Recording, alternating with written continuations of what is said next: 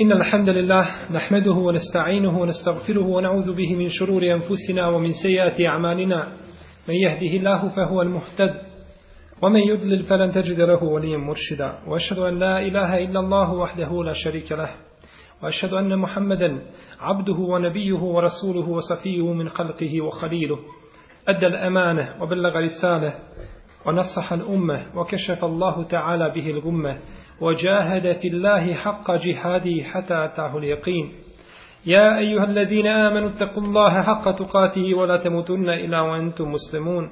يا أيها الناس اتقوا ربكم الذي خلقكم من نفس واحدة وخلق منها زوجها وبث منهما رجالا كثيرا ونساء. واتقوا الله الذي تساءلون به والأرحام. إن الله كان عليكم رقيبا. يا أيها الذين آمنوا اتقوا الله وقولوا قولا سديدا. يصلح لكم أعمالكم ويغفر لكم ذنوبكم. ومن يطيع الله ورسوله فقد فاز فوزا عظيما. أما بعد فإن أحسن الكلام كلام الله وخير الهدي هدي محمد صلى الله عليه وسلم وشر الأمور محدثاتها وكل محدثة بدعة وكل بدعة ضلالة وكل ضلالة في النار. سلام na redu drugi hadis u poglavlju hajda i danas ćemo inšalav ta'ala spomenuti sve četiri hadisa koji su preostali u ovome poglavlju budući da su kratki i njihov šarh ili komentar je prilično sažet. A najšeta radijallahu ta'ala anha أن أم حبيبة استحيضت سبع سنين فسألت رسول الله صلى الله عليه وسلم فأمرها أن تغتسل فقال هذا عرق فكانت تغتسل li kulli salah. Od Aisha radijallahu ta'ala anha se prenosi da je umu Habibe dobila istihadu koja je potrejala sedam godina. Pa je pitala poslanika sallallahu alaihi sallam o tome pa je rekao da se kupa. Naredio je da se okupa. I rekao to je irk, to je znači krv koja izlazi iz vene. Pa se je kupala za svaki namaz. Pa se je kupala za svaki namaz. Spominjali smo da je Umu Habibe jedna od onih žena koje su dobile u vrijeme poslanika s.a.v. istihadu. Neki kažu da se ono zove Umu Habib, tako kaže Al-Harbi, da reputni drugi. Ovo što se je Umu Habibe kupala za svaki namaz, to nije naredbom poslanika sallallahu alaihi sallam. To je ičtihad od nje. Allahu poslanik je rekao njoj da se okupa. A ona se je kupala za svaki namaz. Pa, kako kaže imame Zuhri i drugi, da je to činila sama od sebe i mi smo spominjali u prethodnom hadisu da obaveza ženi da se okupa samo kada? Kada je prestane jeste mjesečnica da se okupa, a ne mora se kupati za svaki namaz. Prenose Ebu Davud imam el Beheki sa različitim putevima da je poslanik s.a.v. njoj naredio da se kupa za svaki namaz. Da je naredio. No, međutim, svi ovi putevi su slabi. Kaže Ibn Hajar u svome dijelu Fethul Bari, ono što se navodi kod Ebu Davuda, hadijski slušanici su, kaže, prigovorili tim predajama i kazali da dodatak o kupanju za svaki namaz nije, nije vjerodostojan. I kaže imam El-Bejheqi, ispravan je rivajet većine onih koji prenose od imama Zuhrija, koji nisu prenijeli dodatak o kupanju nakon svakog o kupanju nakon svakog namaza. To je bi znači bio hadis Aisha radijallahu ta'ala anha sa Umu Habibom. Drugi hadis, odnosno treći u ovome poglavlju, عن عائشة رضي الله عنها قالت كنت أغتسل أنا ورسول الله صلى الله عليه وسلم من إناء واحد كلانا جنب وكان يأمرني فأتزل فيباشرني وأنا حائض وكان يخرج رأس رأسه إلي وهو معتكف فأغسله وأنا حائض Kaže Aisha radijallahu ta'ala anha, kupali smo se ja i poslanik sallallahu sallam iz jedne posude, a oba dvoje smo bili džunub. I on mi je naređivao da se utegnem, potom je, kaže, naslađivao se mojim tijelom dok sam bila džunup. I, kaže, provirio bi svojom glavom iz mesčida u kuću, kaže, pa bi mu ja prala glavu dok je bio i tikjafu, a ja džunup. Iz ovoga hadisa islamski učenjaci uzimaju propis da je dozvoljeno čovjeku da se kupa sa, is, sa suprugom iz iste posude i svakako da se kupaju zajedno, jel? I nema razilaženja tu među islamskim učenjacima. I nema avreta, između muža i žene nema avreta. Znači ne postoji avret među muža i žene koji mora sakriti. I hadis u kome se kaže kada čovjek ima odnos sa svojom ženom, neka se ne razgoličava kao što razgoličavaju deve, je neispravan hadis. Taj hadis nije vjerodostojan. Naredio bi da se utegnem, naredio bi da pokrijem između pupka i koljena. Znači, taj bi dio naredio, pa bi poslanik sa osam naslađivao se njenim tijelom mimo, znači, toga. Što se tiče naslađivanja između pupka i koljena, tu postoje razilaženja među islamskim učenjacima. Kod većine uleme je to zabranjeno šafijski, kod Malika je Hanife je zabranjeno i kod Šafija, Šafije kaže da je to haram, dok ima Mahmed kaže da je to dozvoljeno. Znači, ima Mahmed kaže da je to dozvoljeno. Vidimo znači da je ovdje ima haram i dozvoljeno. To su to dvije stvari koje se ne mogu spojiti, ne možemo kazati sve ispravno. Pa je ovdje ispravno mišljenje imama Ahmeda. Imam Ahmed je pogodio, kaže Ibn Mulekin, koji je bio šafija, kaže što se tiče meseba imama Ahmeda, kaže on je jak. I on odgovara hadisu poslanika s.a.v. u kome kaže Isna u kulle šein illa nikah. Radite sve osim odnosa. Kaže pa je hadis što se tiče znači mišljenja imama Ahmeda shodno argumentima je jače. Je jače. Kažu islamski učenjaci nije zabranjeno niti je pokuđeno da čovjek spava sa ženom koja je u hajdu u istom, znači istoj posteli, da, da je poljubi, da je zagrli, da se naslađuje njenom tijelom između pupka i koljena, to je dozvoljeno ko sviju. Znači samo se spor vodi između ovoga i kazali smo šta je prioritetnije mišljenje. A što se tiče ajeta, fa tezilun nisaje fil mahir, vi se odvojite od žena dok su u hajdu, to se misli na odvajanje i izbjegavanje a, a, ovoga odnosa. A nikako odvajanje, što su radili pagani, kad žena dođe u ciklus, niti su jeli, niti su pili sa njom, nego je zatvore u jednu prostoriju mračnu, tamnu i tu boravi dok, dok se ne očisti. U ome hadisu isto dokaz da čovjek koji uti kjapu, a ako svojom glavom izviri mimo džamije da nije pokvario tikjaf. Znači čovjek ovdje uti kjapu i nekoga pozove, on otvori prozor i priča sa njim. I glavu iznese van džamije. Ne smije čovjek dok je uti kjapu izlaziti iz džamije. Izlaziti iz džamije bez potrebe kvari tikjaf. No, međutim, vidimo da izlaskom jedni, jednog dijela tijela ne kvari šta? I. Ili mu dijete nešto dodaje, pa ne može rukom, znači, dohvatiti, pa on ruku ovaj pruži napolje, sve to znači ne kvaliti kafir. To se ne smatra ni u jeziku, ni u šeritu da je čovjek time izišao iz džamije. On i dalje ostao u džamiji. Čak bi nagnuo i dio tijela napolje, išao da to ne bi pokvario kafir. Stoga, ko bi se zarekao ili zavjetovao da neće ući u jednu kuću, da kaže da se zakune, tako mi Allaha neće ući kući toga i toga, i dođe sa vrata, glavu malo nanese unutra, ne mora se iskupiti. Na osnovu ovoga, vidite, znači kako je poslanik, kako ne smije izaći, on ipak glavu, znači ovaj, glavom izvirio, tako i čovjek koji bi to uradio da uzme nešto iz te kuće, dohvati ili da glavom, znači, nagne se unutra, neće to šta? Neće, to, neće time prekršiti svoju zakletvu. I ome hadise dokaz kažu, neki učenjaci da žena koja je u hajdu ne može ulaziti u džamiju. Jer da je bilo dozvoljeno, kažu ne bi dolazio poslanik sa osam do Majša pere glavu na prozoru, nego bi ona ošla u džamiju pomoprala.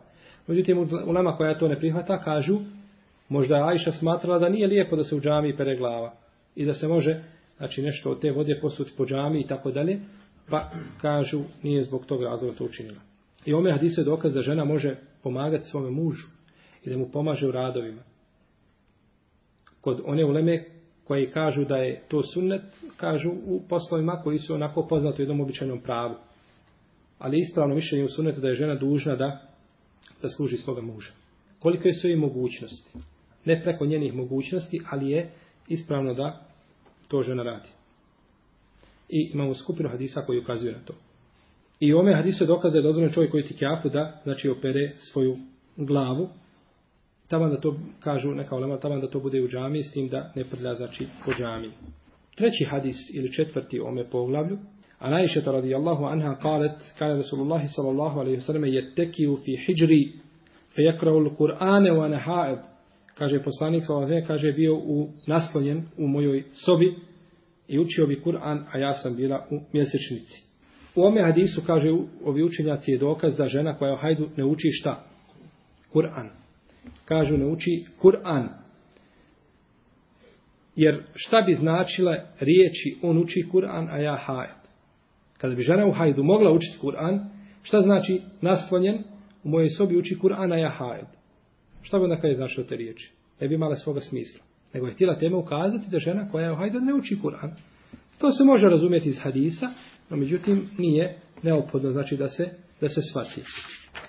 I četvrti hadis, ili po peti po poglavlju, i zadnje ome poglavlju, معاذة رضي الله عنها قالت سألت عائشة رضي الله عنها فقلت ما بال الحائض تقضي الصوم ولا تقضي الصلاة فقالت حرورية أنت فقلت لست بحرورية ولكني أسل قالت كان يصيبنا ذلك فنؤمر بقضاء الصوم ولا نؤمر بقضاء الصلاة kaže Muaze radijallahu anha pitala sam Ajšu šta je to sa ženom koja je u hajzu? Napošćava a ne naklanjava. Pa je rekla jesi li ti harurika? Kaže nisam harurika nego pitam. Pa je rekla tako nam se dešavalo vrijeme poslanika sallallahu pa nam je naređivano da napustimo a nije nam naređivano da naklanjamo. Ova Muaze ona je Basrika Umu Sahba kćerka Abdullahova, Eladevije, žena sirote Ibnu Šejma. Ona je tabinka, sika, povjedljiva u prenošenju hadisa. I od odlika žena koje spominje mame Zehebi kaže da nikada nije potvrđeno da je žena slagala na poslanika sallallahu alaihi sallam. Nema žena lažova u hadisu. Sve su ili vjerodostojne ili imaju slaba pamćenja. Ali slabo pamćenje može imati svako od ljudi, to je normalna osobina. Ali la, lažov da je bila žena, kaže, to se još nikada nije u istoriji islama desilo i to je jedna velika odlika ženama. Dok lažova muškaraca, da Allah sačuva. Mislim na ravi. Na ravi. To je jedna od odlika žena. Umrla je 73. hiđarske godine, radi Allahu ta'ala anha. Jesi li ti harurika? Pita Aisha radi Allahu anha. To je pripisujući je selu ili mjesto koje se zvalo Harura u blizini Kufe. Kažu da je dva milja otprilike od Kufe. To je mjesto gdje se prvi put sastave Haridžije. Havarić, gdje se prvi put sastali, to je njevo mjesto, pa su pripisani, to, na osnovu tog mjesta pripisani su jeli, njemu.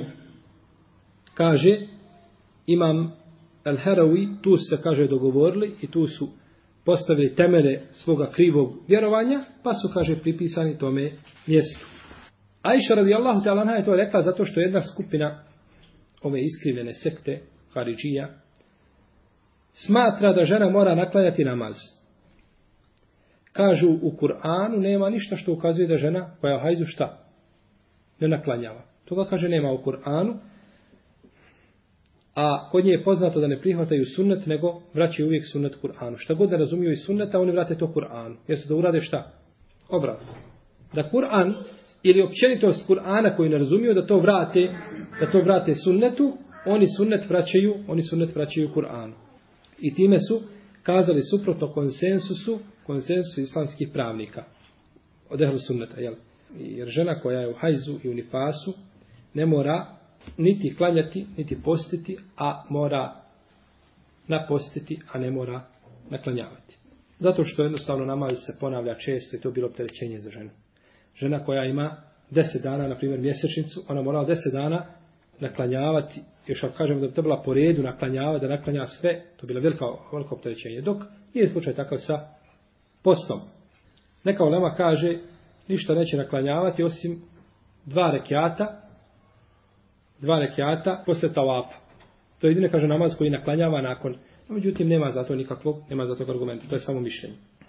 A zašto je Aisha radijallahu ta'ala anha nju osudla kad je pitala? Hm? Aisha radijallahu ta'ala je bi pomisla da ona preispitkiva. Da ona kopka. Da ona kopka da postavlja pitanja koja su munker, želeći time da ispita Ajšu, da vidi šta je gdje, na kojim je Ajša, Ajša radijallahu anha tala s tim dužinama, pa kad je Ajša primijetila, osudla je. No međutim, kada je ona kazala da pita samo, onda je šta kazala Ajša? Onda je pojasna propis. Onda je pojasna propis. I dokazala je to čime? Sunnetom.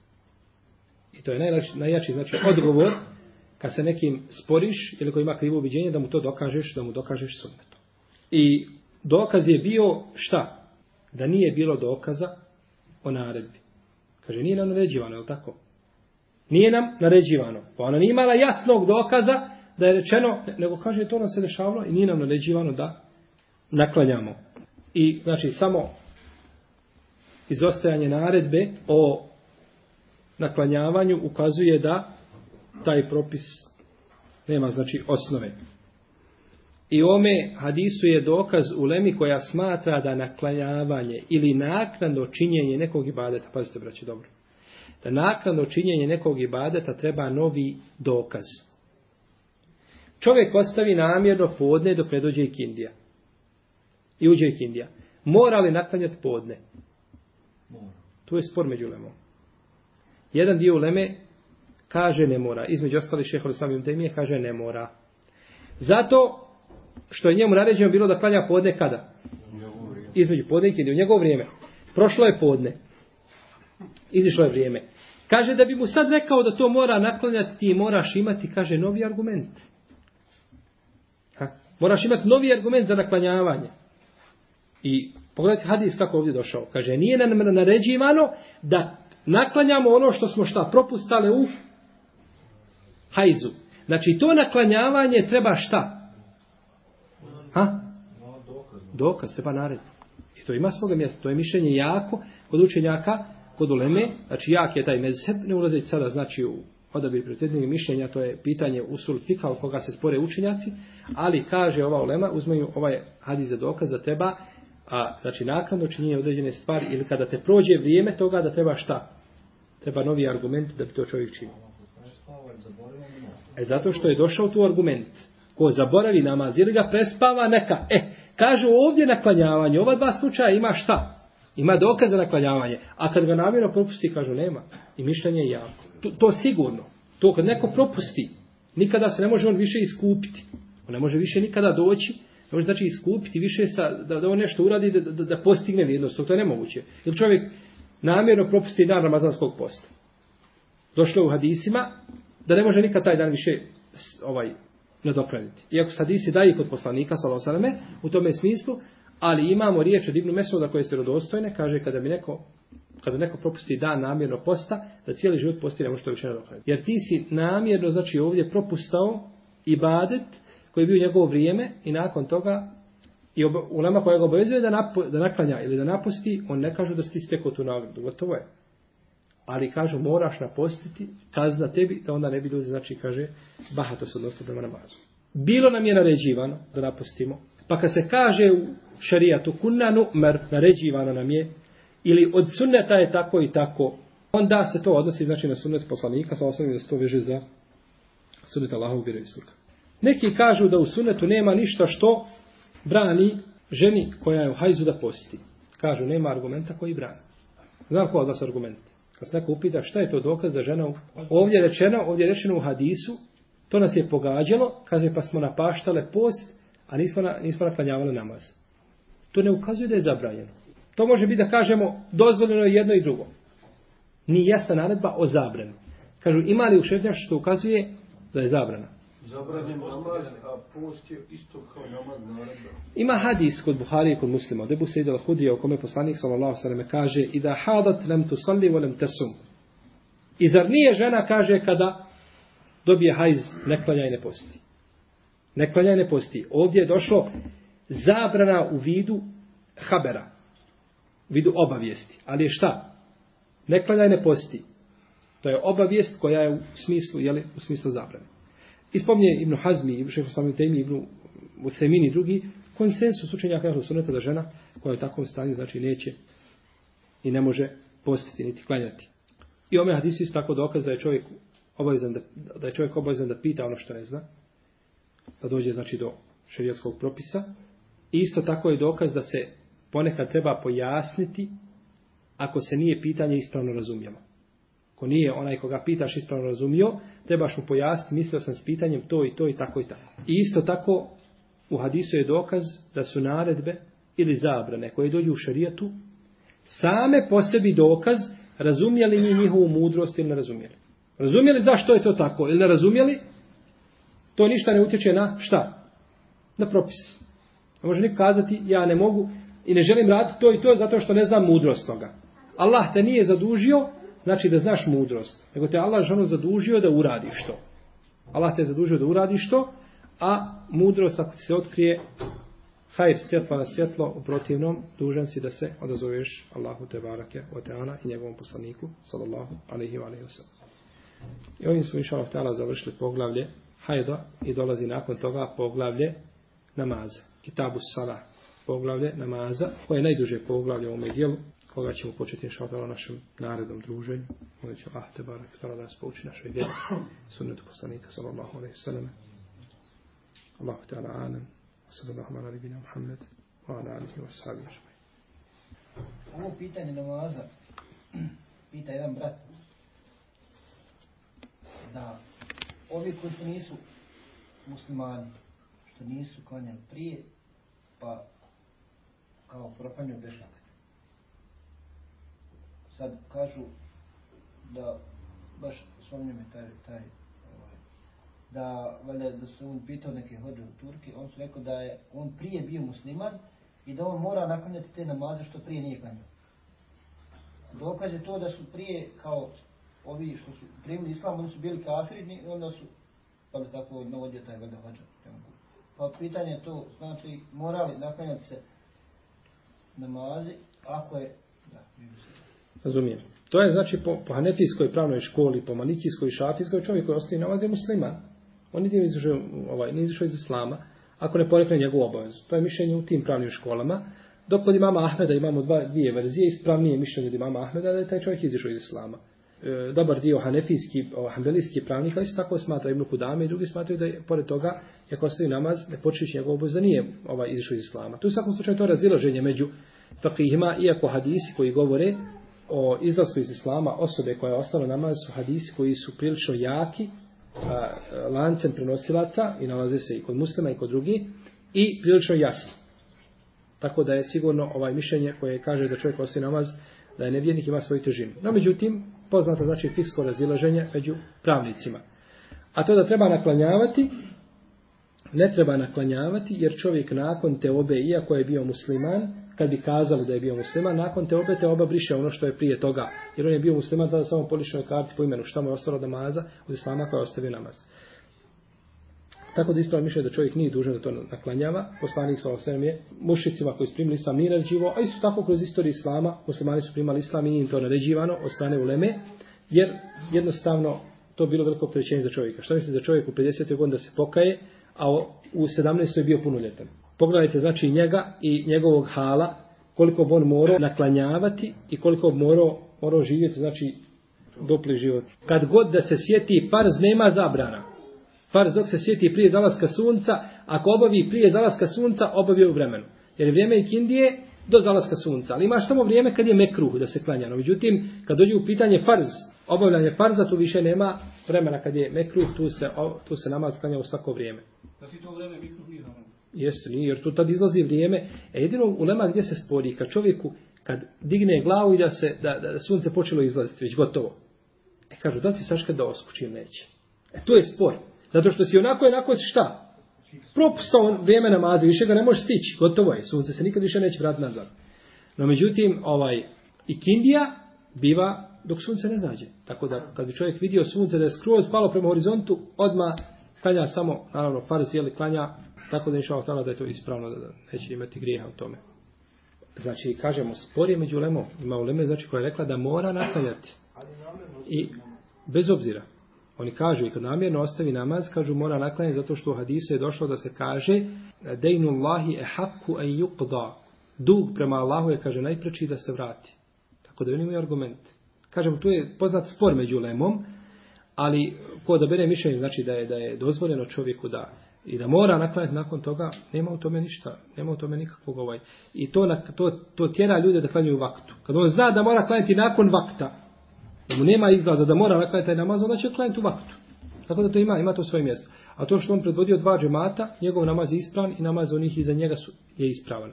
A da li su oni iza njega imali pravo na džemat ili nisu, to je stvar, pitanje opet gdje se spori ulema, govorili smo više puta, znači o drugom džematu džami, ako je sa opravdanjem ima pravo, ako nije sa opravdanjem nema pravo, on uglavnom ako je namjerno propustio džemat, nije htio klanjati, Allah zna bude po ispravnom mišljenju da nema pravo na drugi džemat, njegov namaz je ispravno, nema nagradu džemata. Čovjek puta ne uzro klanja sabah, Onda ide na posao, pa tamo skreće neke stvari, pa ne može da klanja podnije i kindiju. Dođe za nakon našama ono, kući. A ne može da klanja na, na posao. Šta ćemo raditi? Za. Ali mora na poslu. Mora na poslu. Mora tražiti puta i naša da klanja na poslu. Kad dođe kući, u svakom slučaju dužan je naklanjati. Ali bojimo se da mu takav namaz neće rijeti da on mora tražiti puta i naša da klanja na poslu. Ako ne ništa mijenja je posao, traži drugi posao. Ali je vjera najpreča. Kada šef ne bi čovjeku dao da ide kući preko ljeta, tri sjednice dode u svoje selo sa svojim narodom, on bi nama gledao istog momenta da mijenja firmu, ali tako? I na neki način on ode. E onda Boga mi namaz je preči. Namaz je preči od godišnjeg odmora i od ovoga do onoga, pa je najprije čovjek onda da za Allahu vjeru žrtvuje. Ako je iskreno da Allah, Allah će vam Bog da olakšati. Allah će mu olakšati. inša S obzirom da ne smijemo i hrama nositi filonu odjeću, šta je onda sa unutrašnjim vešom? Kako unutrašnji vješ? Čovjek ne smije nositi unutrašnji vješ.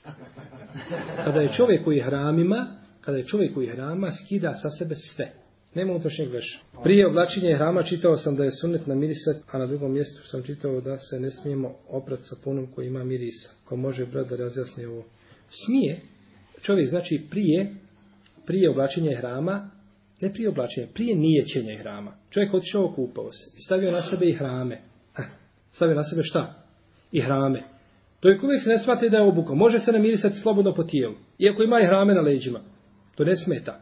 I hrami bivaju od momenta kada ih zanijetiš. E, kad si zanijetio srcem, odlučio da ulaziš u hadske obrede, od tada se više ne smiješ mirisati.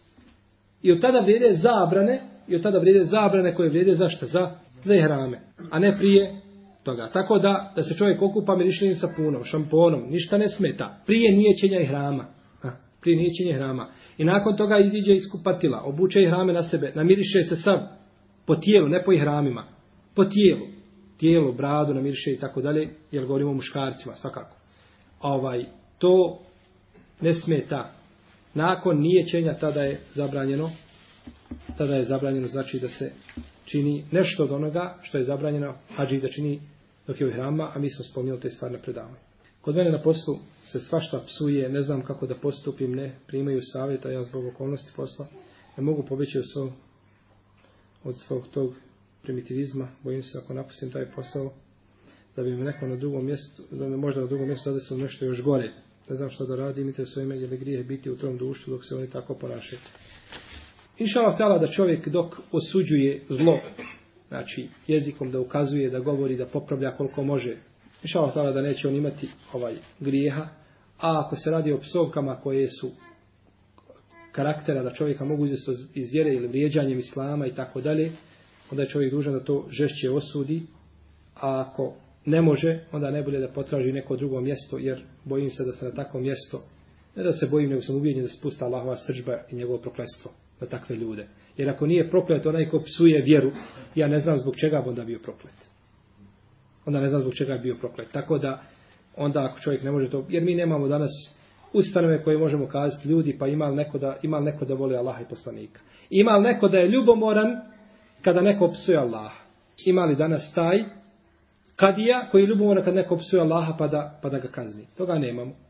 Ni u islamskom svijetu. Opsuješ Allaha, ko te čuje na ulici, pritvorite policija, platiš, platiš takse 2 eura i kaže ti, kad je nemoj slučajno više da sam to čuo. Bježi.